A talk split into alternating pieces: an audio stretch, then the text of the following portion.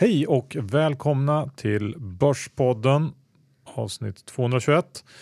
Inspelat den 8 november faktiskt och eh, ja, vi återkommer snart till varför. Men först vår huvudsponsor IG Markets. Ja, ni vet ju att det är dags att öppna ett konto där. IG är ju mer än en vanlig nätmäklare. Det är väldigt eh, många evenemang. De har ju Cavasto här i Umeå som i och för sig är fullbokat och eh, de har ju också Jordan Belfort. Kommer du ihåg honom Johan? Ja, uh, The Wolf of Wall Street va? Ja, precis. Han kommer hålla föreläsning så att det är extremt uh, många roliga saker som IG bjuder på och allt i Erik Hanséns regi. Så följ honom på Twitter och var även med, signa även uppe på uh, morgonbrevet som han skickar ut. Mycket matnyttig info. Yes, bara att göra. Dessutom John så är vi sponsrade av Sigma Stocks. kommer du ihåg vad de gör?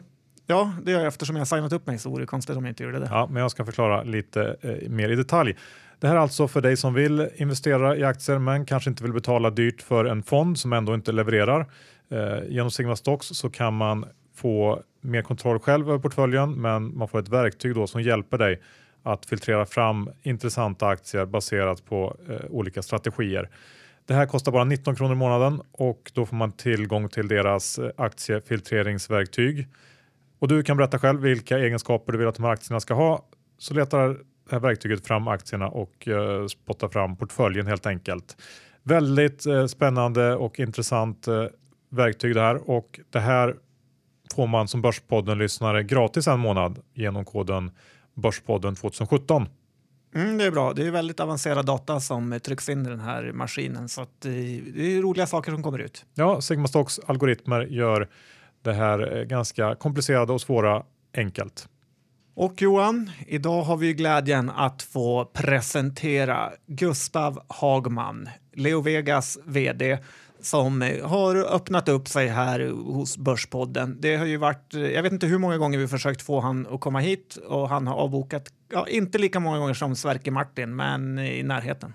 Ja, men hur som helst, han kom och det var en riktigt fantastisk framgångshistoria han hade att bjuda på. Eh, väldigt intressant att höra hur Leo Vegas har jobbat för att bli så stora och framgångsrika som de är idag. Eh, och det kommer väldigt snart. Också imponerande faktiskt hur han eh, även var duktig på att tippa fotboll. Ja, det var det ju. Hur han satte första matchresultatet. Så att, ja, frågan är om man ska spela på Leo Vegas eller mot Leo Vegas. Johan. Ja. Innan vi kickar igång som vi gör väldigt snart så är vi också sponsrade av Trine. Ni vet eh, Trine som håller på med eh, hållbara investeringar, investera i solcellsprojekt i Afrika där du helt enkelt kan göra någonting gott samtidigt som du tjänar pengar samtidigt. Just nu har Trine två projekt som är eh, up and running som du kan investera i, bägge i Kenya. Eh, bara gå in på jointrine.com och scrolla ner så hittar du dem. Och om man vill investera då kan man använda koden Börspodden för då får man 10 euro i startbidrag och det är inte så dumt. Nej, det är väldigt bra. Jag har gjort det själv och eh, jag följer noga hur min investering utvecklas. Ja. Nu är det dags för Gustav Hagman, vd på Leo Vegas. Idag har vi Gustav Hagman, vd för Leo Vegas med oss här i Börspodden. Äntligen får vi säga. Det har varit eh, lite svårt att hitta en tid som passar. Du verkar ha mycket att göra Gustav. Hej! Ja, till att börja med stort tack för att jag fick komma hit idag. Det är jättekul att få vara här. Jag verkligen måste säga att er podd är någonting som eh, går på djupet. Jag tycker den är, blir personlig och eh, skapar en helt annan eh, dynamik med dem ni intervjuar. Så att, eh, tack för att jag fick komma. Kul! Eh, ska ja. se om vi kan lyckas eh, det med dig också. Men du har extremt mycket att göra nu eftersom ja, jag tror du har avbokat den här intervjun kanske fem, sex gånger. Är det så sjukt mycket att göra som vd för ett spelbolag? Ja, men det, det, har ju, eh, det går i perioder ska jag säga. Det är eh, vissa intensiva eh, delar av året. Du har några månader på våren som är väldigt intensiva. Sen ska allt vara klart innan midsommar här i Sverige. Det vet vi. Så är det alltid. och sen har vi då hösten som alltid har sina deadlines i, i mitten på december. Sen går man in i jul. Så att, ja, jag, jag, tror att i, i ert fall har det varit lite olyckligt. Så att, och sen alla tysta och, perioder däremellan med. Tysta perioder, man måste tänka på det. Och hur Nasdaq ser på de eh, frågeställningarna när man är noterad. Så att, eh, ja, men jag är jätteglad att vi fick till det idag. Ja, nu är du här. Så att, nu är här. Eh, vi kan väl börja med att du får berätta lite om din bakgrund. Vad gjorde du innan Leo Vegas? Ja, nej men jag, jag skulle säga att jag är en entreprenör ut i fingerspetsarna faktiskt. Det, Ehm, jag kommer ju från en eh, akademisk familj där min eh, pappa också eh, drev egna bolag under uppväxten. Vilket har gjort att vi har flyttat runt mycket. Jag är född nere i Skåne, i Lund. Ehm, flyttade tidigt till Ljungby som ligger strax utanför Växjö i Småland. Och där jobbade då pappa mot de stora industrierna som fanns där och truckindustri och Strålfors och lite liknande industrier. Och mamma är läkare så att vi kunde liksom hänga. Hon kunde alltid hitta ett arbetstillfälle dit vi flyttade. Eh, sen gick nästa eh, last till eh, Göteborg. Så eh, hade en del av min uppväxt i, eh, kallar de det för, Sveriges framsida. Mm. Och eh, eh, hade väldigt kul nere i Göteborg och kom väl dit i 10-11 år gammal. Då går man i fyran, femman någonting sånt. Ehm, och eh, flyttade från Göteborg i ettan i gymnasiet.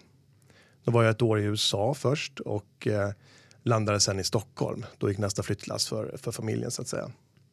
Så jag är storebror, jag har eh, tre syskon och har också på ett sätt präglat mig, tycker jag lite grann. Um, jag har ju alltid hållit på och haft ett driv, ett inre driv eller en inre motor att helt enkelt eh, ja, göra grejer och jag ska säga tjäna pengar skulle man kunna liksom säga men det handlar inte om det i slutändan utan det handlar mer om att du har en egen inre drivkraft. Du vill lyckas helt enkelt. Och du, eh, eh det här går igenom, om man tittar på min liksom, historik från att jag egentligen började dela ut reklam en gång i tiden och sälja tidningar och jultidningar och allt detta som alla kids gjorde till att liksom tycka att det var kul och fortsätta göra det och, och bara bygga på med nya saker hela tiden. Um, så har jag, jag, liksom, jag har hållit på rätt mycket genom årens lopp. Hur gammal är du nu? Nu är jag 43 år gammal. Um, När blev du vd för uh, Leo Vegas? Nej, jag, jag har uh, varit vd för uh, Leo Vegas från, från start. Så vi, vi är två grundare till Leo och min medgrundare Robin har varit styrelseordförande tills i våras. Och nu har vi Mårten Forste som sitter som styrelseordförande i koncernen. Och jag har alltid jobbat som, med, med vd-skapet för Leo. Eh, men som noterat bolag så eh, vi noterade ju som ni vet i, mars 2016. Eh, då är egentligen då man får liksom spotlight på sig och den stora lampan. Men det här, det här var ju inte din, ditt första liksom, jobb inom spel för du kom in i spelbranschen tidigare vad jag förstår. Ja men precis. Man kan väl säga så här om man tar lite grann några Eh, lägger lite pussel kring det hela så, så eh, om man backar tiden då Eh, så, så min entreprenörsbana började egentligen med eh, ja, jag, nämnde det här med tidningsutdelning och, och, och, liknande saker. Men sen så någon gång där i gymnasiet så var det också mycket kring eh, jag har en kompis eh, som heter Peter. Vi startade en djurgrossistverksamhet. Så vi sålde alltså, eller, artiklar till, till djuraffärer och det här är 90, 93, 92, 93 någon gång där. Eh, och, eh, så vi konkurrerade land och rike runt med att sälja liksom, artiklar till djuraffärer helt enkelt. Alltså eh, hamsterburar och liknande? Ja, men framförallt kanske inom eh, reptiler och sånt för att eh, det fanns ett eh, importförbud då som släppte eh, så att man, man, skulle, man kunde börja liksom sälja de här varorna då 92, 93. Eh, och det gjorde vi och det var ju otroligt kul och lärorikt på, på många sätt. Vi... Hur kommer man bara på en sån idé? Ja, men det var sälja reptilsaker ja. till nästan, här, här får jag skylla på Peter va? för han hade ett uh, stort intresse för just ormar och reptiler.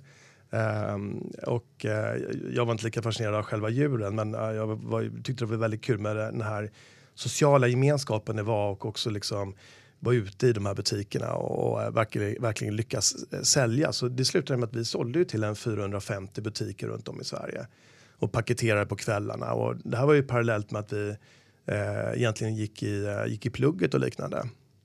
Och sen kunde vi roa oss juletid med att sälja julgranar.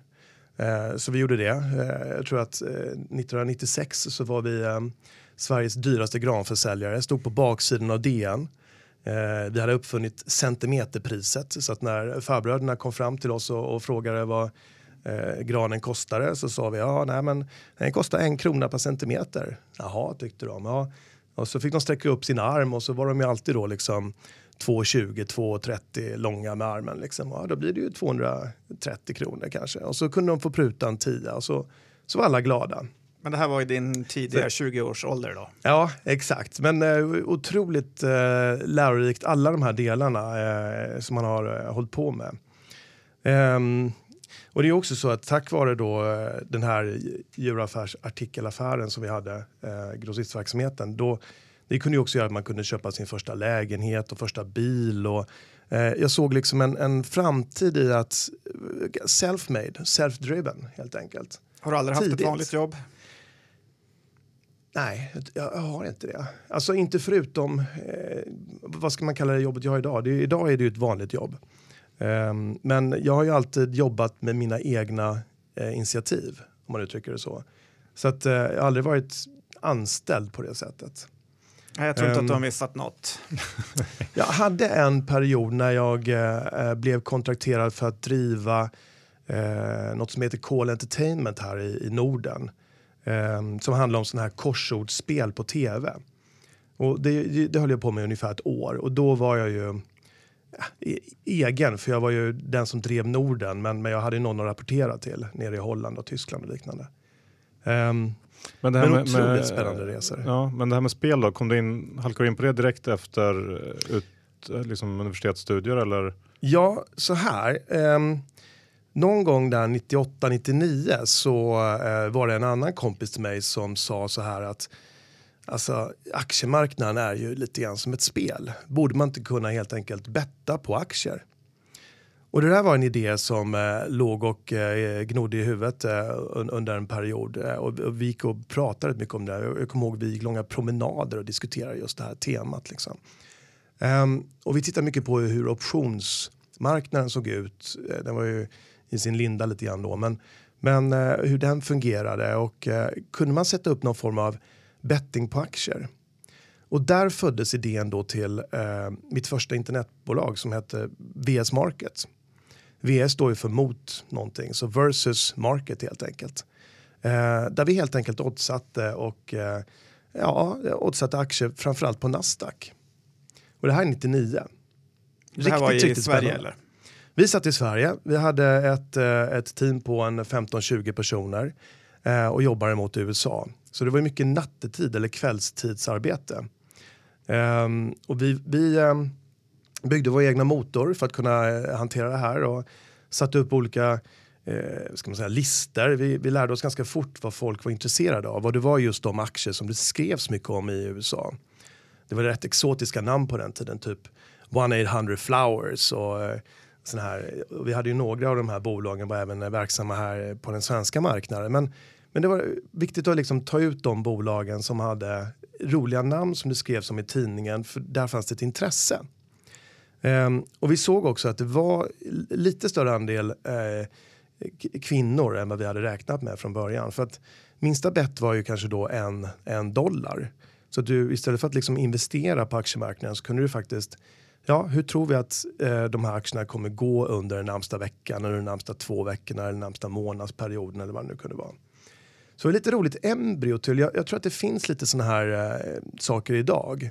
Det här har ju ni säkert bättre koll på än, än, äh, än mig. Men, men eh, äh, litet embryo till Ja, äh, och många ser ju också aktiemarknaden som spel. Om man tittar man på daytradingverksamhet idag och liknande. Det är bara skicklighet. Kommer du ihåg hur mycket omsättning du hade på det här VS? eh? VS Market. ehm, jag minns inte det riktigt. Jag, jag vet att vi, eh, vi drev ju det där fram till eh, sommaren 2003 ungefär. Ehm, vi var väldigt omtalade ett tag under 2000 och 2001 och kanske framförallt i USA. Det var en jäkligt rolig period när eh, jag kommer ihåg de skickade över ett eh, journalistteam från USA hit till Sverige så skulle de göra en intervju med oss. Ja, så kom de till vårt kontor här inne i stan då så tyckte de att Nej, men, alltså vi, vi måste hitta någon lite mera svensk miljö. Så vi bara, ja, nej men vi, vi drar upp till Skansen då. Där har de ju stora älgar så kan vi liksom fota oss tillsammans med älgarna. Det är en bra liksom, första sida på Industry Standard eller The Barons eller jag, jag kommer faktiskt inte ihåg exakt vilken tidning det här var. Så ja, vi släpper upp de där eh, journalisterna och fotograferna till Skansen. Så kommer vi fram till älg, där älgarna står. Va? Så nej, det finns ju inte en älg med horn där inne. Alla har ju tappat, det var ju liksom ja, någon, någon säsong då när de inte hade sina horn då. Så att de blev ganska besvikna. De bara, det här ser ut som förvuxna kossor typ som står här inne. Så det slutade med att vi fick eh, fotas bredvid något hus som hade lite röda vita knutar. För det tyckte de symboliserade Sverige. Alfa-känslan försvann kanske lite med Ja. kossor istället för älgar. Kossor istället för älgar. Och eh, efter eh, det här, 2003, vad, vart tog du vägen då? Ja, det, det var då jag eh, började jobba med det här Call Entertainment. Eh, det här holländska eh, konceptet egentligen som Eh, idén var ju att eh, lansera eh, på tv då. Man jobbade med produktionsbolag och eh, tv-bolagen och få ut ett, ett, ett program som gick dagtid där man skulle gissa ord. Så du ringer in och så ska du gissa ett ord. Och eh, det här var för mig väldigt fascinerande för att Eh, jag satte upp detta, jag var ensam när jag gjorde det. Och eh, började med eh, kanal 5 och, och sen var det trean. Och sen var det TV Norge i Norge. Och sen blev det MTV3 i Finland. Och Sub TV som är motsvarigheten till ZTV i Finland. Så att jag var ju verkligen runt överallt och kunde etablera det här konceptet. Eh, ihop med ett eh, produktionsbolag här från, eh, från Sverige. Ehm, det var också en jäkla rolig tid. För då kunde man också se hur, eh, Eh, hur man kunde påverka också med tv-rutan. Eh, hur våra presentatörer då, eller programledare kunde så att säga stå i tv-rutan och säga att ja, eh, nu är det ingen som ringer så om, om du ringer så, eh, som tittar nu så har du ju stor chans att komma fram till mig och gissa ordet. Så kunde man se hur det då slog i taket då på ringstatistik och liknande. Eh, det där funkade ju inte såklart att göra allt för många gånger utan eh, man fick ju hela tiden eh, hitta nya sätt att vara interaktiv med publiken. Ehm, och det var en också otroligt lärorik och rolig period. Och där någonstans lärde jag känna också alla mediebolagen och tv-kanalerna. Och jag kommer komma till det sen, men det är liksom en del i pusslet till, eh, faktiskt till Leo. De här kontakterna man fick på den tiden och eh, direkt så att säga kontakten med mediehus och eh, tv-kanaler, hur viktigt det har varit. Var du ansvarig för den här tjejen som eh, kräktes i live-tv? Ja, eh, precis. Det finns en eh, väldigt bra förklaring till det. Men, eh, ja. jag, vet, jag kommer aldrig ihåg om hon gick ut och berättade det, men eh, jag tror inte vi ska avslöja det. Vi kan lämna det. Ja. Ja, Men det var spännande tider. ja jag förstår det. Ja, man, man förstår hur det här eh, kopplar ihop med Leo Vegasen på lite olika sätt. Mm. Men, men eh, efter det då, var det, var det då du drog igång med Leo eller var det en, Nej då, du nej då. några spelbolags Vi har eh, någon gång där 2004, 2005 så, eh, så var en av mina närmsta kompisar med på Lärbruksresan. Eh, så de jobbade ju med Lärbrooks och eh, drev det i Sverige och jag såg hur de hade Douglas Rosa och company. Exakt, det var Douglas och det var en av hans närmsta medarbetare som heter Filip då som eh, nära vän till mig. Och ehm, eh, hur, hur det hade gått för dem och det gick ju som tåget och Douglas var omslagspojke och eh, eh, gjorde väldigt bra ifrån sig och jag tänkte att äh, det där, Eh, jag vill tillbaka in i den hetluften som är kring, eh, kring spel och eh, eh, det, det är ju på något sätt på den tiden och det är väl i viss mån fortfarande en ganska omogen bransch. Eh, vi står inför en reglering här i Sverige då 2018-2019 och eh, vilket vi verkligen ser fram emot. Eh, att, att liksom se hur det steget tas. Sverige är bland de sista länderna att reglera sig i Europa så att, eh, det tycker jag är väldigt, en väldigt bra utveckling. Men, men eh, hur som helst, så att eh, den här kompisen till mig, vi startade då eh, en ehm, eh, en franchise till ett bolag som heter Coral Eurobet i eh, UK. Så då startade vi Eurobet Nordic helt enkelt.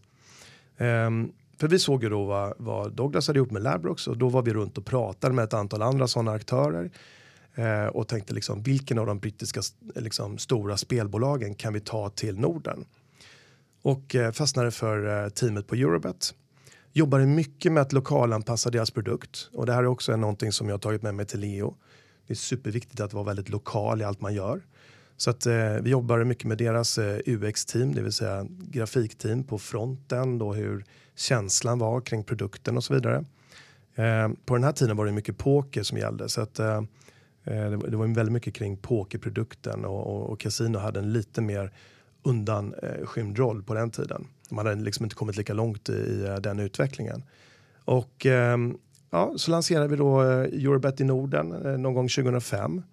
Eh, gick eh, riktigt bra för oss och, och vi växte på kraftigt. Gjorde några förvärv också kring landbaserade restaurang, kasinospel. Liknande det som Cherry har ute på krogar. Och döpte om dem till Eurobet Casino för att få liksom en en, eh, en landbaserad kan man säga, kontakt och också en eh, annonsyta och yta mot eh, kunder på det sättet. Ehm, och vi höll på med det fram till 2007 ungefär när sen det, det kom in nya ägare då i det här brittiska bolaget och, och, då ville man göra om strukturen. Man ville egentligen ta hem affären till England och, och koncentrera det till London där man satt. Eh, så det skedde en transaktion, helt enkelt man köpte ut oss.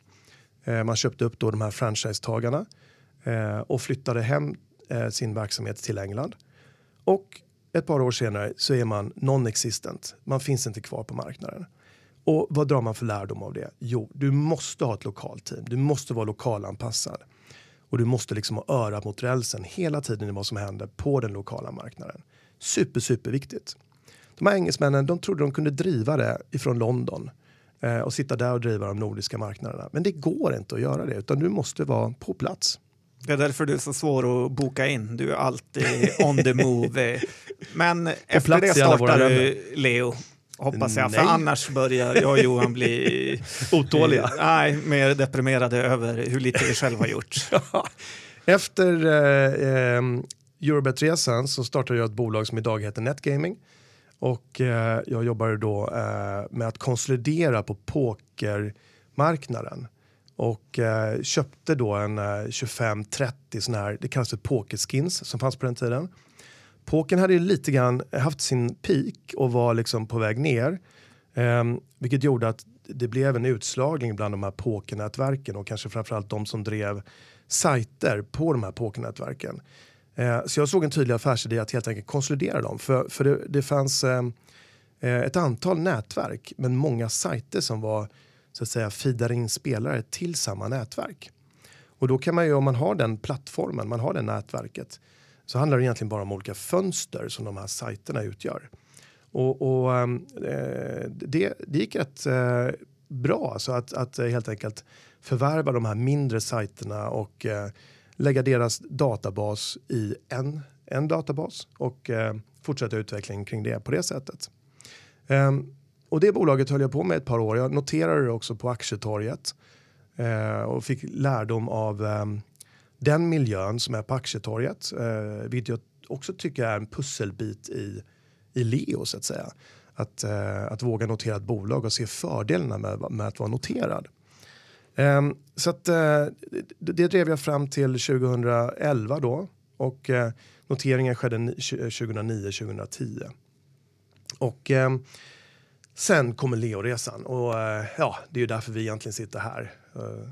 nu är vi framme vid den. Ja, men härligt. Och det är då vi ska gå in på våra patenterade tio snabba frågor. Jaha. Mm, innan Leo, så att säga. Uh, vi kör igång direkt. Det, då vill vi ha snabba svar. Mm. Tänk på det. Er värsta konkurrent? Techsektorn i Stockholm. Det är svårt att rekrytera. Den där satt eh, hårt inne och säga. Varför namnet Leo Vegas? Leo lejon på latin. Vegas är ju dina drömmars stad. Vi ville ha ett universellt namn som fungerar överallt i, på alla språk. 1 eh, till 10, hur nöjd är ni med Kambi? Mycket nöjda med Kambi. Mycket nöjda med Kambi. Men 1 till 10? Nej, jag tänker inte ge någon, någon siffra. Men vi, vi jobbar väldigt nära Kambi. Vi jobbar mycket med uh, deep down in their technology stack som vi brukar säga.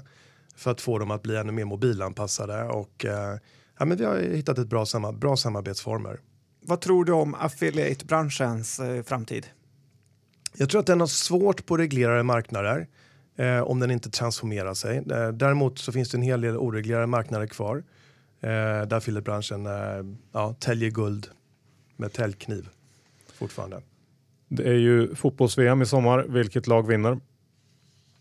Oj. Land.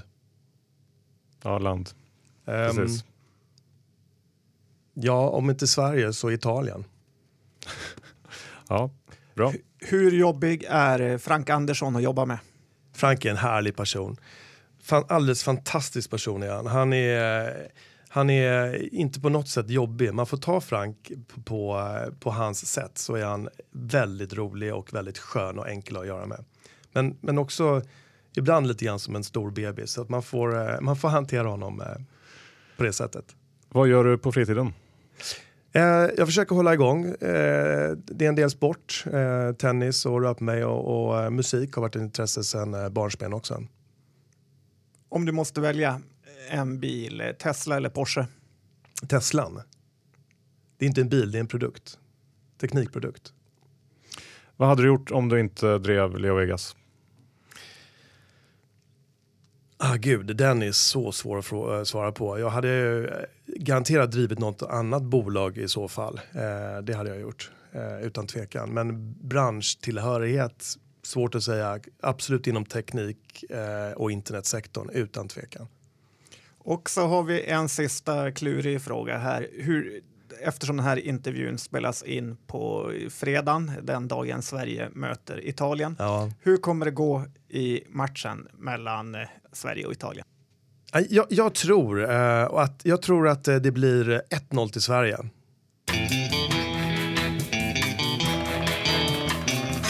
Vi bryter för ett snabbt meddelande ifrån vår sponsor Lendify som den här veckan gått ut med den fantastiska nyheten John att de lanserar en andrahandsmarknad som vi har längtat. Ja, faktiskt. Det är ju väldigt, väldigt bra om man behöver casha hem för att ha pengar till något annat.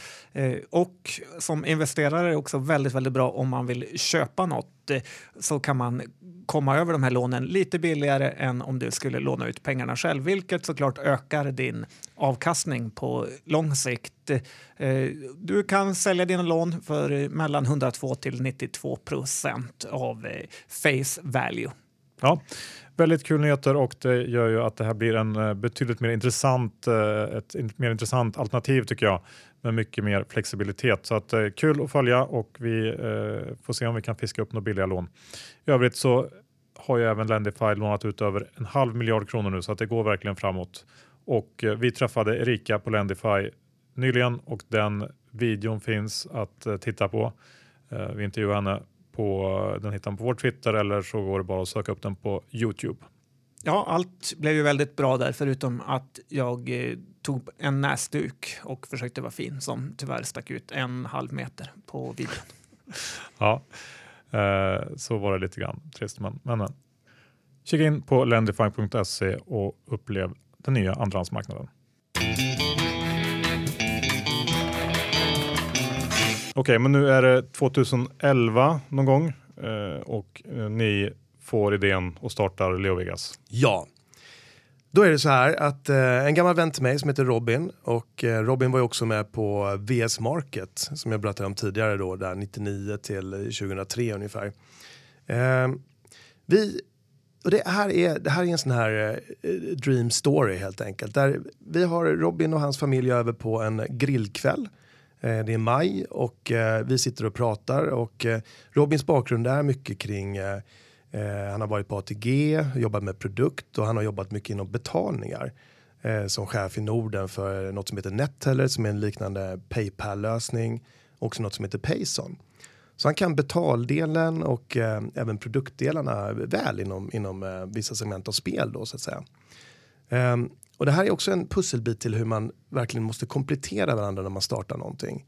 Eh, där jag kanske kommer med eh, mer mediaerfarenhet och kontaktytorna kring det och eh, även i mina tidigare då eh, ventures kontakt med faktiskt eh, kapital och eh, den delen och eh, kunna bygga organisation vilket jag då gjorde mycket under eh, när vi byggde Eurobet Nordic eh, och växte den delen och eh, eh, så att man, man liksom växeldrar hela tiden när man eh, startar ett bolag för det är så enormt mycket att göra och du måste ju tänka på allt. Ehm, och eh, på den här grillkvällen så sitter ju jag och jag har, jag har fått en sån här, eh, eller jag hade en sån här iPhone 3S om jag kommer ihåg att den hette det, med en sån här rund baksida. Och vi sitter och leker med den där och jag, jag minns inte riktigt om det är, är Robin eller om det är jag som håller på att snurra på den här telefonen.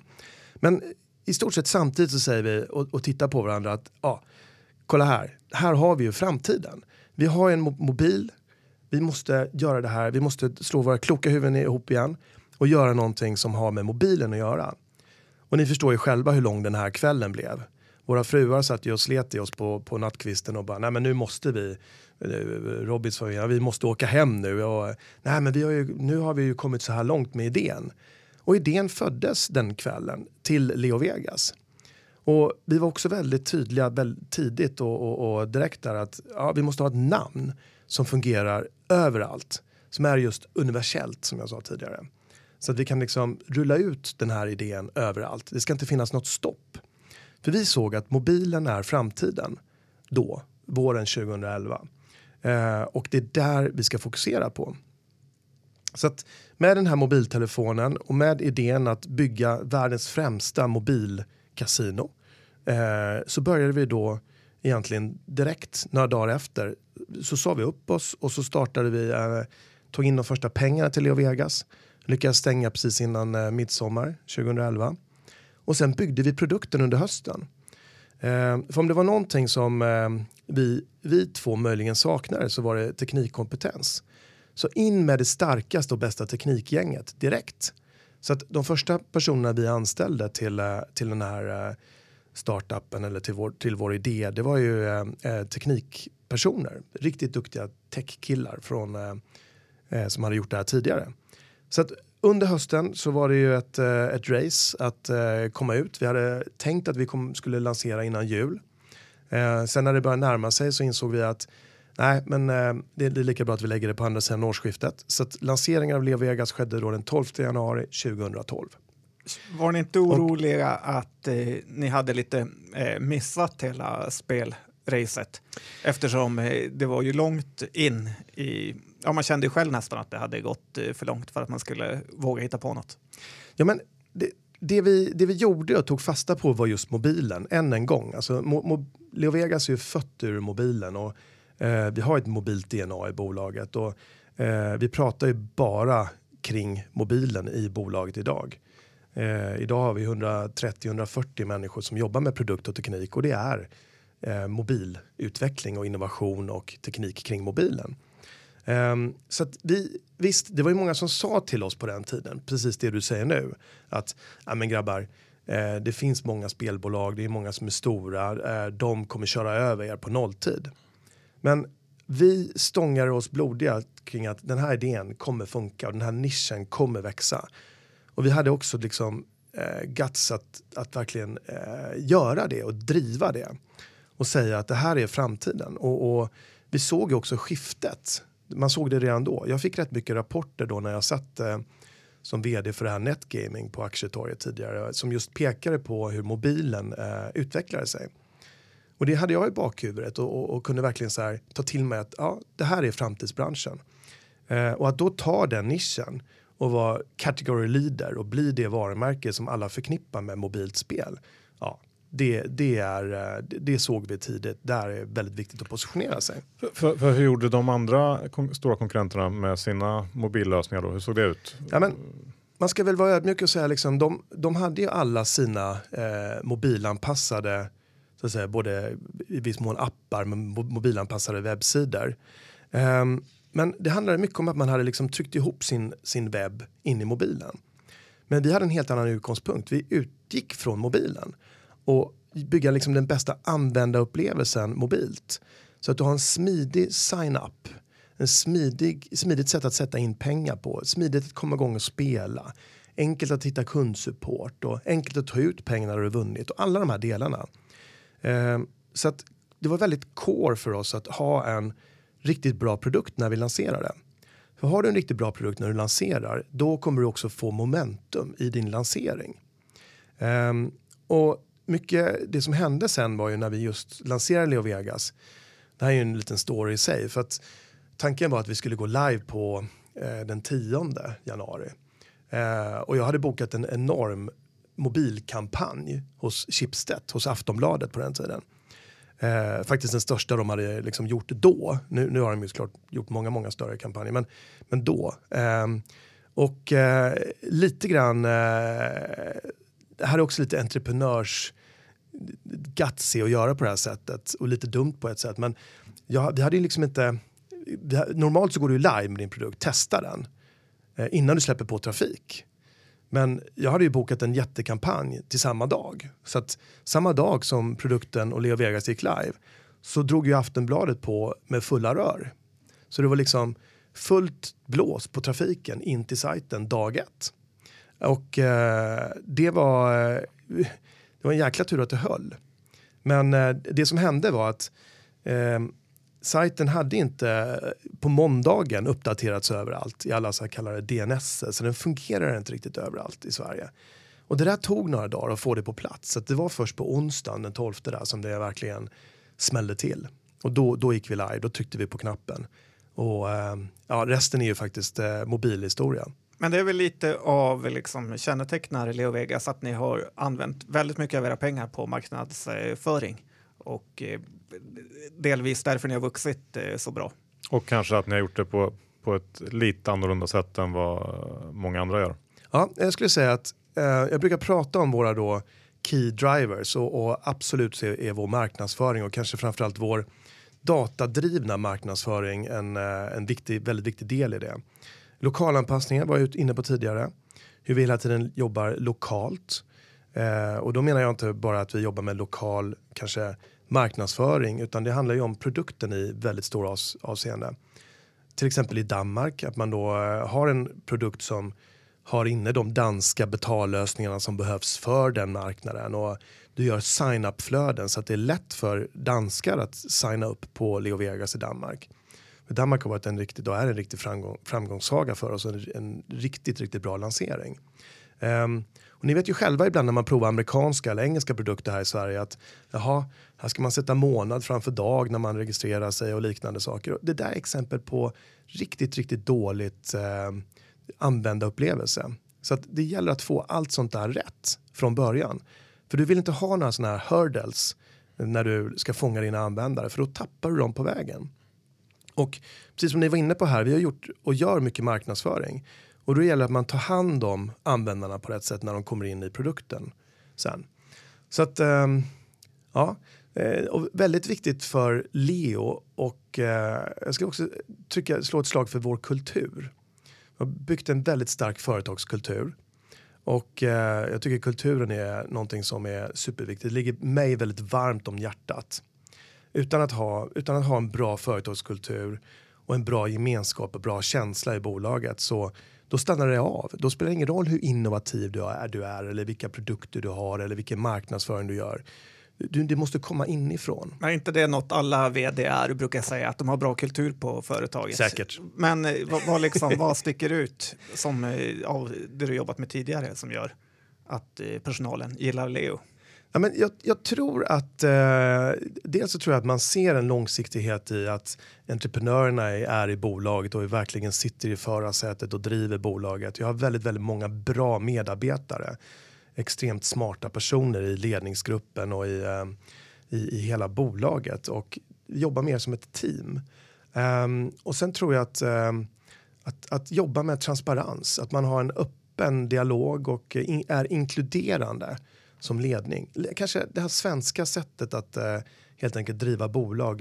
Jag, jag, tror att det funkar rätt bra i internetbolag och på det sätt som man driver just de bolagen.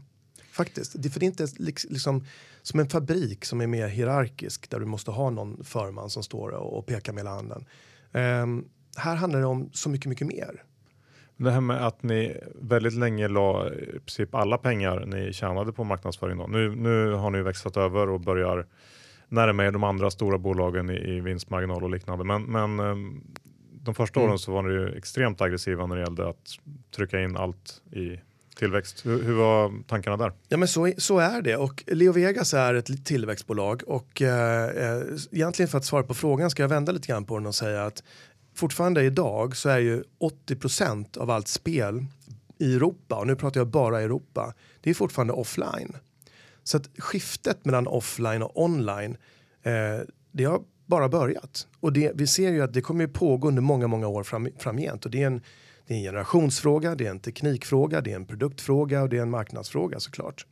Och till viss mån också en, en fråga kring eh, regleringar och sånt.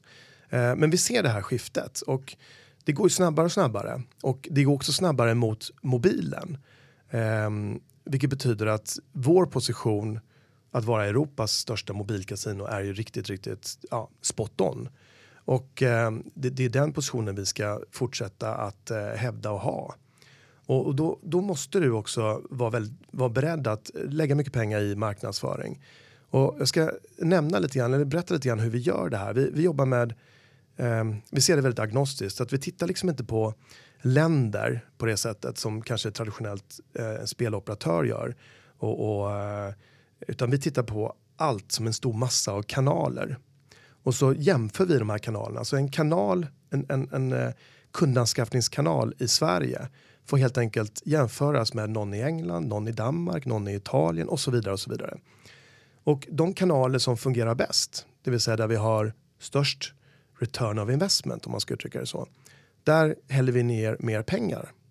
Och så här håller vi hela tiden konstant på och modererar i, i våra algoritmer. Men är ni inte rädda att en konkurrent eh, som kanske inte är börsnoterad och inte har samma avkastningskrav ska gå in och göra ungefär det ni gjorde tidigare? Att plöja ner alla pengar i marknadsföring och sen ta er, ja, ta den platsen ni har nu? Ja, men där vill jag lite grann eh, också vända på det. Att vi, vi, vi har ju sagt... Du är lite som Charlie Munger, du vill alltid invert.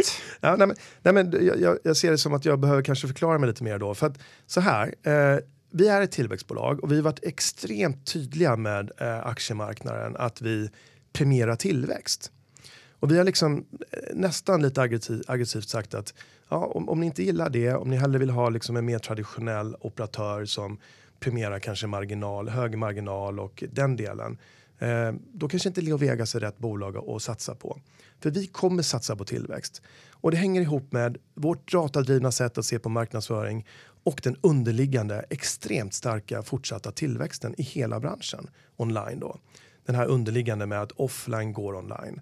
Och, och det ser vi kommer fortsätta under många år. Så att um, jag, jag, jag, tror att vår, jag menar, vårt långsiktiga finansiella mål är ju just att ligga kring 15% marginal. Och, och, det tycker jag är rätt sunt. Uh, därför att då har du en bra balans kring jäkligt stark tillväxt och marginal. Johan nämnde just innan vi gick intervjun att eh, ni har gått om eh, Betsson i börsvärde, om det var igår. Hur känns det?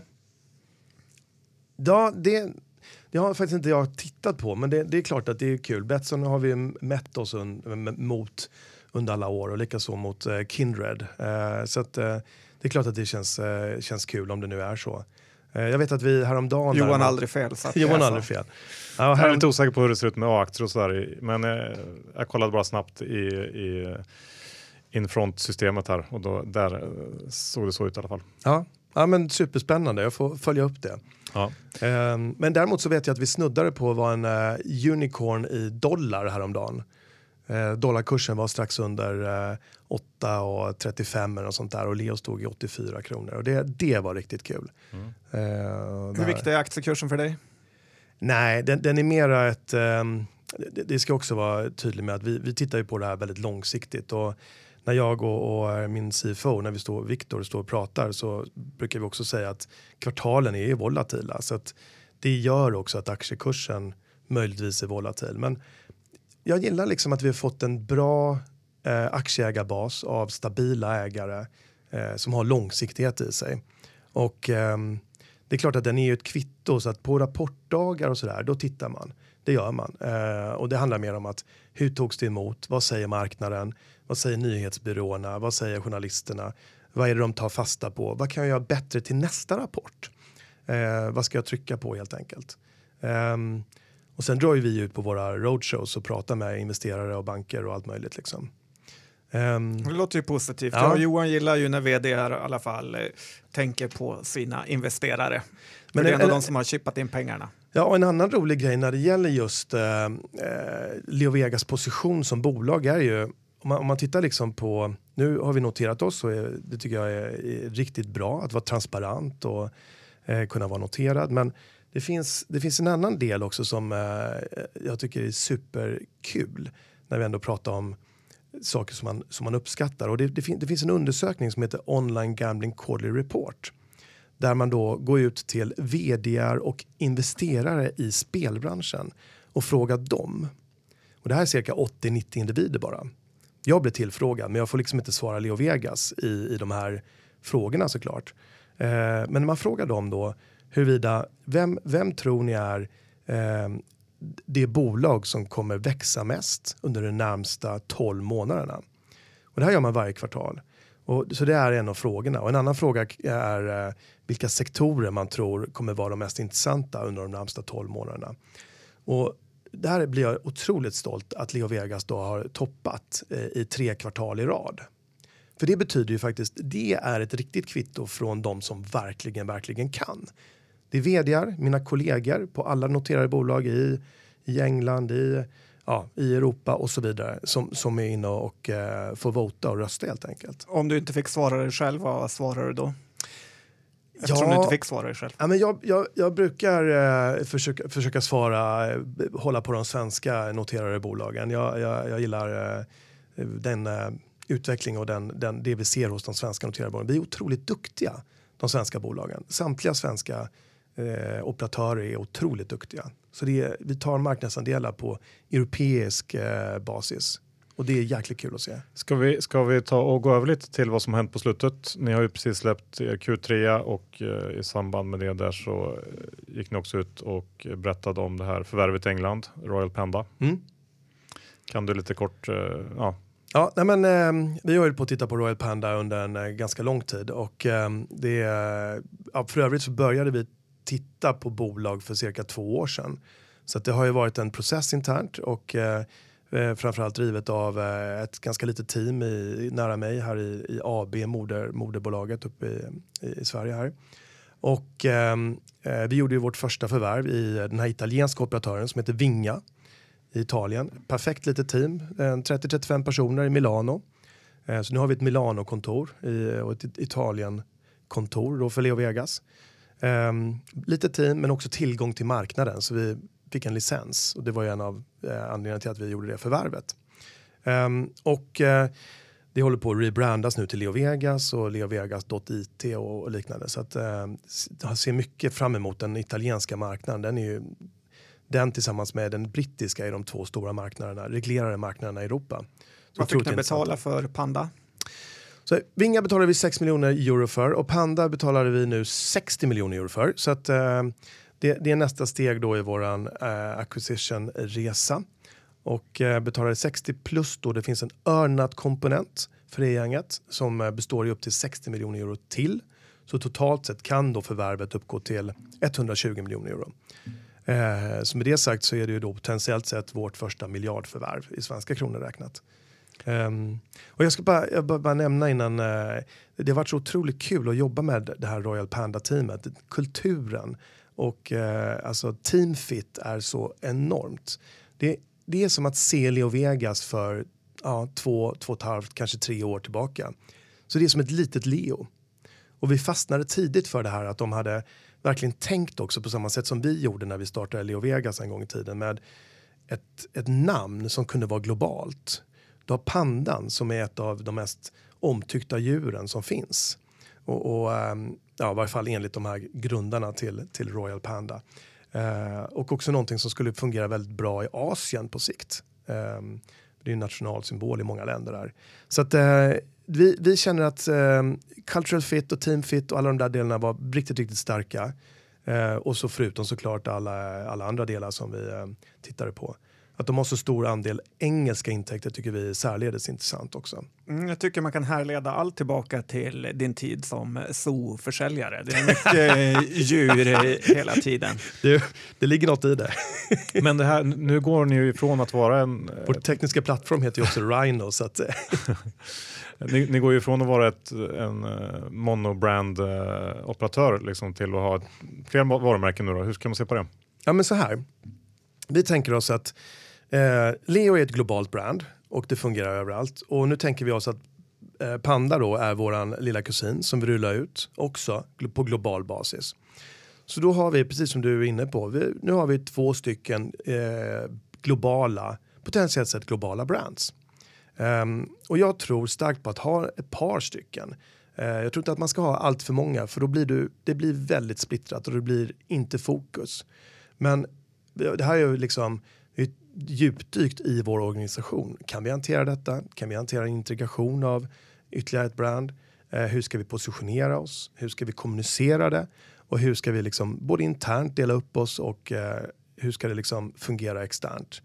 Eh, många, många frågor som jag har vänt upp och ner på rakt upp ja, för att kunna liksom säkerställa att det här är rätt att göra. Um, och vi vet ju också om man tittar lite grann på statistik att många kunder där ute spelar ju på flera bolag. Eh, tittar man på den brittiska marknaden så har man eh, i snitt någonstans runt 2,5 till 3 eh, bolag eller operatörer som man spelar hos. Och i Norden så är det något färre. Va? Eh, men det gör ju också att det rent strategiskt finns det utrymme för, för fler eh, eh globala brands i koncernen än ett. Men kommer ni ha Panda och eh, Leo eh, parallellt bredvid varann i till exempel eh, Sverige eller något Absolut. annat land? Ja, det, det, det, kommer man se. det kommer man se. Men då om, om ni ska göra något annat förvärv då, eller ytterligare, då måste det vara ett djur nästan med i, eller? Ja, vi tittar mycket bara på förvärv kring djur faktiskt. Nej, jag, jag tänker också Nej, på, det, det, om, du pratar mycket om eh, globala namn och där får ja. man ju en känsla av att Betsson måste vara ett av de eh, sämsta namnen man nästan kan ha då. Med... Eh, ja, eh, det, så, så, kanske man kan se det. Ja, eller, samtidigt så har ju de etablerat det namnet eh, så de har väl fått jobba med det och då kanske de också tänker de kanske har velat ha en, en nordisk approach, approach och visa att det just kommer från Sverige och så vidare med sitt son då. Jag vet faktiskt inte riktigt. Nej, nej det var märkligt eh, tänkt där att de hade dubbel-S istället för bara ett. Mm. Ja, det var ja. bara, ja, ja, så kan det vara. eh, ska, ska, vi bara lite snabbt, eh, för tiden går här, eh, gå in på den här kommande regleringen i Sverige. Hur ser ja. ni på det? Nej, men, absolut väldigt positivt och vi, vi tillsammans med 15, 16, flera av våra kollegor då, utländska spelbolag. Vi har ju då en branschorganisation som heter BOS, branschen för online-spel. Som drivs Och väldigt... sprit på engelska. ja, hittar du på engelska. Tack för den. Nej, och eh, drivs av en väldigt kompetent eh, kille som heter Gustav Hofstedt som är generaldirektör och eh, han eh, eh samlar in branschens eller sina medlemmars eh, tankar kring reglering och vi är verkligen delaktiga nu i, i kommande reglering. Så att vi välkomnar ju det här och tycker också att det, det, det är lite så här kvart över tolv som Sverige reglerar så att äntligen. Som jag nämnde tidigare, de stora marknaderna ute i Europa är ju reglerade. Frankrike, Italien, eh, England sen urminnes tider liksom och Spanien och så vidare. Va? Så att, um, det är bara jättepositivt att Sverige nu också regleras och um, uh, det förs också tycker jag en, en bra dialog med uh, de svenska stora statsägda bolagen, Svenska Spel och ATG. Så, att, så att det är en gemensam syn. Det, det, är klart att det finns vissa saker i, i, i eh, regleringen som, som vi kanske har lite annorlunda syn på. Men, men i mångt och mycket så är alla för reglering. Men, men, är det verkligen bara positivt då? För att ni har ju ändå kunnat, eller alla spelbolag har ju kunnat annonsera i princip fritt i Sverige och inte betala skatt och skillnaden nu blir att man får betala skatt. Ja, men eh, tänk dig så här. Eh, dels så eh, om, om, vi, eller om, om vi tittar på England som exempel som har varit reglerad under väldigt lång tid och där vi då är verksamma, eller Danmark. Så våra två största kanaler där, mediekanaler är Facebook och Google. Google är faktiskt på koncernbasis vår största kanal för nya kunder. Trots att vi bara idag kör Google i England, Danmark och i, i Italien. Um, och eh, Google och Facebook de jobbar inte med spelbolag eller operatörer på de marknader där det inte finns en, en licens att få. Så att, eh, det som kommer hända i Sverige är såklart att vi kommer jobba mycket mer med Google och Facebook precis som vi gör i de andra reglerade marknaderna. För de är utmärkta eh, kundanskaffningskanaler. Så att, eh, det kommer hända. Eh, samtidigt kommer vi fortsätta bygga vårt brand såklart. Eh, och sen tror jag också för eh, player protection och för att värna om eh, folkhälsan så är det väldigt bra med en reglerad marknad. Man ser ju hur både England och Danmark har ett mycket bättre system för det än vad man har i Sverige idag. Så att det är också en viktig del i regleringen. Men när du säger Google och Facebook, är det affiliatebolag då som de kommer via eller är det rakt via hemsidan? Det är rakt. Det är rakt. Vi, vi jobbar ju direkt med eh, eh Global, eh, eh Googles eh, Global eh, Gaming Team. Så att vi jobbar med det som heter PPC, alltså köpta sökord och du jobbar ju med SEO, alltså att du har en, en sajt som fungerar väldigt, eh, väldigt, väldigt, sökbar och då, då, kommer du långt upp på Google och liknande. Så att, ehm, PPC, eh, det vill säga att man köper eh, länkar på Google, eh, det, det är det framför allt. Du nämnde i tio snabba att du är lite eh, orolig eller glad att eh, det kommer vara tuffare för affiliate med den här eh, regleringen. Kan du inte utveckla lite hur, hur du tänker där? Nej, men så ska jag inte säga. För, eh, glad, alltså, nej, jag, jag bara ser att vi inte använder oss av affiliate i lika stor utsträckning i reglerade marknader. Det var, det var det jag menade. Men, men, men uh, affiliate är en superviktig del av vår kundanskaffning. Uh, jag menar, utan aff affiliates så, så skulle du inte kunna liksom gå in i vissa länder. Uh, så vissa länder är mycket mer affiliate-drivna och då har man det som kanal än andra länder där du då kan kanske verka direkt. Så de reglerade marknader kan man då göra mer direkt egen så att säga kundanskaffning i. Medan då eh, andra marknader som inte är reglerade, där, där får du lita mer på affiliates. Hur, vad, vad tror jag i övrigt då, om den svenska marknaden när regleringen är på plats? Kommer eh, fler stora, till exempel brittiska bolag eller andra utländska jättar ge sig in och, och konkurrera? Ja, men man kan väl titta lite grann på hur, eh, hur, hur, det gick i Danmark när de reglerade då 2012 eh, och där, där var det ju tydligt så att eh, Danske Spill klev in och tog en ganska stor del av marknaden. Eh, och det är motsvarigheten till Svenska Spel. Samtidigt så ökade hela marknaden. Så att eh, den ökade i, i uh, ungefär lika stor storlek som Danske Spel tog egentligen. Eh, men däremot så antalet aktörer minskade betydligt. Så i Danmark är det ju idag bara en 25-30 aktörer som är, är, är verksamma. Eh, därför att många mindre bolag har inte möjligheten längre att eh, överleva eller de ser inte liksom ekonomi i det när du måste betala skatt. Eh, då går de hellre till andra marknader där de inte behöver betala skatt. Eh, så det tycker jag, det är någonting vi verkligen välkomnar för att eh, det kommer sannolikt bli färre aktörer i Sverige. Det kommer bli mer professionella aktörer som är kvar. Eh, och vi kommer se såklart att Svenska Spel kommer in på marknaden och vi kommer se en marknad som mognar. För att på det här sättet så har ju spelmarknaden varit ganska eh, en omogen bransch. Eh, och vi är tydligt på väg nu mot, eh, mot att mognas och då är regleringen ett steg i den riktningen. Om vi tittar lite på eh, spelberoende och eh, mm. sådana lite tråkigare grejer. Vad gör ni mot det? Ja, det är någonting vi alltid har jobbat och jobbar väldigt mycket med. Vi har ett eh, väldigt stort team som jobbar kring just eh, spelansvarsfrågor. Eh, regelbundet så gör vi ut, utbildningar bland personalen. Varje kvartal går man utbildningar. Eh, och sen alla nya som börjar på Leo Vegas får ju en utbildning i eh, spelansvarsfrågor. Och, eh, sen har vi ju då eh, jobbat mycket med eh, en, en, eh, en, modell som, eh, eller en sajt nu som vi lanserade bara för ett par veckor sedan som heter Leo Safe Play. Där man då kan gå in och både göra en egen så att säga, assessment på sig själv för att se om man har eller är närliggande eh, till att få spelproblem. Eh, det är lätt att få kontakt med oss. Eh, vi kontaktar också spelare så att det finns både ett aktivt och ett eh, passivt så att säga eh, kontaktyta mot kunderna där. Men om någon sätter det... in hundratusentals kronor och spelar bort dem på rouletten, mm. kontaktar ni den spelaren då? Ja, om det är en helt ny kund, det beror lite grann på vad vi har för historik kring kunden, men det, det där bevakas ju absolut, det gör det. Man kan säga så här, i grund och botten så vi vill ju ha en, en bredd det här handlar ju egentligen om underhållning. Om man tittar på Vegas idag så är ju det eh, till större andel underhållning än spel. Så man vill ju hellre ha en, en stor, eh, så att säga bred massa av kunder som har ett hälsosamt spelande på en lagom nivå än färre kunder som spelar för mycket. Så att, um, och det, det, är också det jag tror kommer hända med reglering. Då får du liksom in de här eh, stöden eh, från en reglerad synpunkt som vi nu har i England och Danmark till exempel. Så det kommer också påverka och eh, påskynda den processen. Det, det, det blir bättre. Det kommer bli bättre. Men Gustav, jag undrar egentligen hur eh, sticker ni ut egentligen? För eh, många av spelen kommer ju från, eh, sportspelen kommer från Kambi och eh, eh, kasinona, kanske från NetEnt eller Evolution Gaming. Vad, va liksom, hur sticker ni ut för, mot konkurrenterna? Ja, men det här är en superbra fråga och jätterelevant. Tack. Ja, så här. Eh, när vi startade Leo så gjorde vi det på en tredjepartsplattform. Det vill säga att vi hade inte vår egna plattform, vår, vår egna backbone själva. Men vi insåg väldigt fort att det här måste vi ha.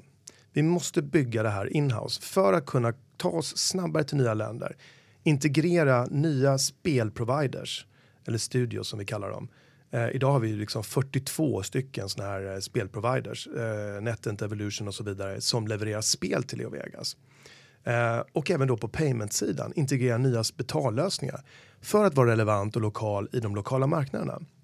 Så vad vi gjorde var att vi satte ihop det bästa teamet som gick att hitta. Vi sökte med ljus och lampa efter det i Sverige. Och, och det, är, det blev embryot till våra eh, kontor i Västerås och Växjö. Så att vi sitter inte, eh, vi är utspridda på det sättet i Sverige med ett stort kontor i Väs Växjö och ett stort kontor i Västerås.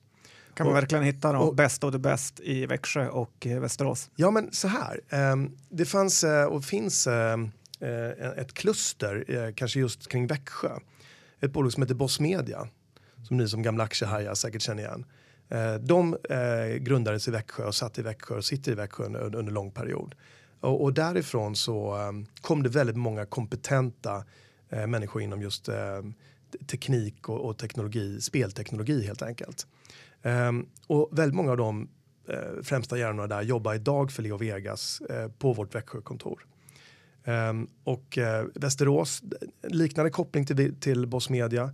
det var ett par personer som tidigare jobbat på Boss som flyttade till Västerås. Men också för att fånga upp eh, folk som i, i vardagen eh, eh, eh, commuta till Stockholm. Eh, kan de helt enkelt stanna kvar i Västerås eh, och jobba på hemmaplan med riktigt exalterade teknologi. Um, ehm, och det här är då utmynnat i vår egna plattform som um, har gjort hastigheten. Och det handlar ju om mobilhastighet i stor utsträckning. Så att den tycker jag har varit, eller den är fundamental i vår eh, story till vår tillväxt. Eh, och vi pratar internt idag väldigt mycket om eh, ett epitet som är game tech, gaming technology. Och, och det är för att liksom förklara vad Leo Vegas egentligen är. Ja, vi har sprungit ur teknik och produkt och använder oss av det för att ta nya marknader. Det, det, är som ett giftermål när vi går in i nya marknader. Du måste ha nya marknader för att expandera i, i bredd och ny kundanskaffning. Men du måste också hela tiden ha den, den bästa produkten för att bibehålla kunderna och attrahera nya kunder. Så att ni tar NetEnt spel och modifierar lite, är det så man ska tänka? Eller? Nej, det gör vi inte. Det, vi är mer om det, man kan mer likna oss vid ett eh, Netflix i, i den bemärkelsen eh, där eh, Netflix, eh, om man backar några år, de gjorde ju inte några egna produktioner av spel utan de hade då, eller förlåt av eh, filmer, utan de hade ju då eh, filmer från alla eh, movie makers. Eh, men de distribuerade det. De blev liksom den bästa plattformen på att få ut det till kund. Och där är vi idag. Så att vi, vi liksom aggregerar eh, de här eh, spelsuppliers eller studiornas, deras spel in till Leo Vegas och ser till att göra en riktigt, riktigt bra kundupplevelse och få ut det till kund. Det är rätt intressant ändå, för vi har ju tre börsnoterade såna här leverantörer i NetEnt, Evolution och ja, Kambi. Då. Vilken, eh, hur kan du, rang, kan du rangordna då? Ja, men det är ju så otroligt duktiga bolag. Fantastiska bolag är det. Um, och det, jag, jag kommer inte, du, du, kommer inte kunna klämma ur mig någon rangordning här utan, utan uh, de är extremt duktiga på sina respektive nischer. Evolution med sin uh, live casino nisch och uh, den delen som de verkligen har. De har ju liksom monopol i den marknaden mer eller mindre och netten på att bygga liksom extremt bra slottar, mekaniken bakom och det, det är liksom eh, lättsamt och fun and friendly om man ska uttrycka det så. Och, eh, ja, eh, och, och Kambi med sin eh, sportboksprodukt. Så att, den kommer ju från Unibet från början. Så att, eh, ja, men det är tre fantastiska bolag. Eh, vi ska vara stolta över våra svenska både spelproviders och operatörer. Ja, men det var bra avslutande ord, eller hur Johan? Absolut, och innan vi helt rundar av så hade ju du med dig en tröja till oss som vi tänkte lotta ut här. Ja, det tänkte vi. Det var ju Brentford. Ni, Leo Vegas, är ja. tröjsponsor av, eh, för Brentford. Eh, kan du först berätta, vad kostar det? Nej, men det, Eh, jag var inte med i slutförhandlingarna så att jag, jag, jag, jag, kan inte svara på det faktiskt. Men varför blev det just eh, Brentford? Jag som är extremt fotbollsintresserad har ju varit och tittat på Brentford några gånger.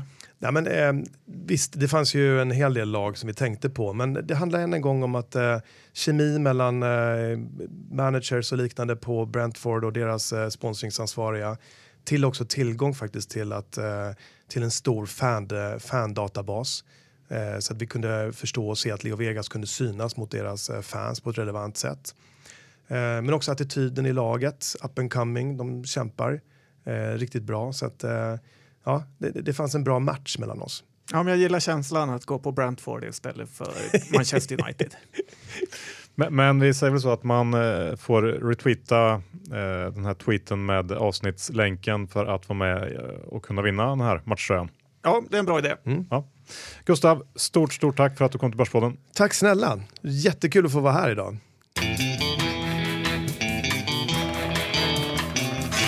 Gustav, vilken story han hade. Verkligen, och vilket bolag han har byggt. Eh, bra jobbat och grattis till alla aktieägare som varit med på resan so far. Verkligen. Vi ska avsluta med att tacka IG Markets, vår huvudsponsor. Ni vet vart appen finns och eh, ni vet också vart Erik Hanséns morgonbrev finns. Så bara signa upp sig på båda två. Ja. Sigma Stocks, vill ni ha hjälp med att leta fram intressanta aktier och bilda en portfölj av dem, då är ju Sigma Stocks verktyg det rätta. Eh, genom att använda koden Börspodden 2017 så får ni testa det här gratis en månad. Det är någonting som eh, jag definitivt skulle nappa på. Ja, jag har nappat såklart och jag är väldigt imponerad över deras AI-kapacitet. Ja, och missa inte Trine heller. Eh, solcellsinvesteringar i Afrika. Två projekt ligger upp nu i Kenya och eh, där kan man också använda en kod som heter Börspodden om man vill få 10 euro i startbidrag. Mm, och det vill man. Ja, det vill man. Och sist men absolut inte minst, Lendify har startat andrahandsmarknad, vilket är fantastiskt kul. Ja, men det är en av de viktigaste nyheterna som Lendify någonsin har kommit med.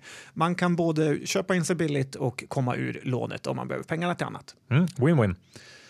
Med det sagt så eh, säger vi hej då och eh, ja, vi hörs om en vecka igen. Det gör vi. Tack och hej!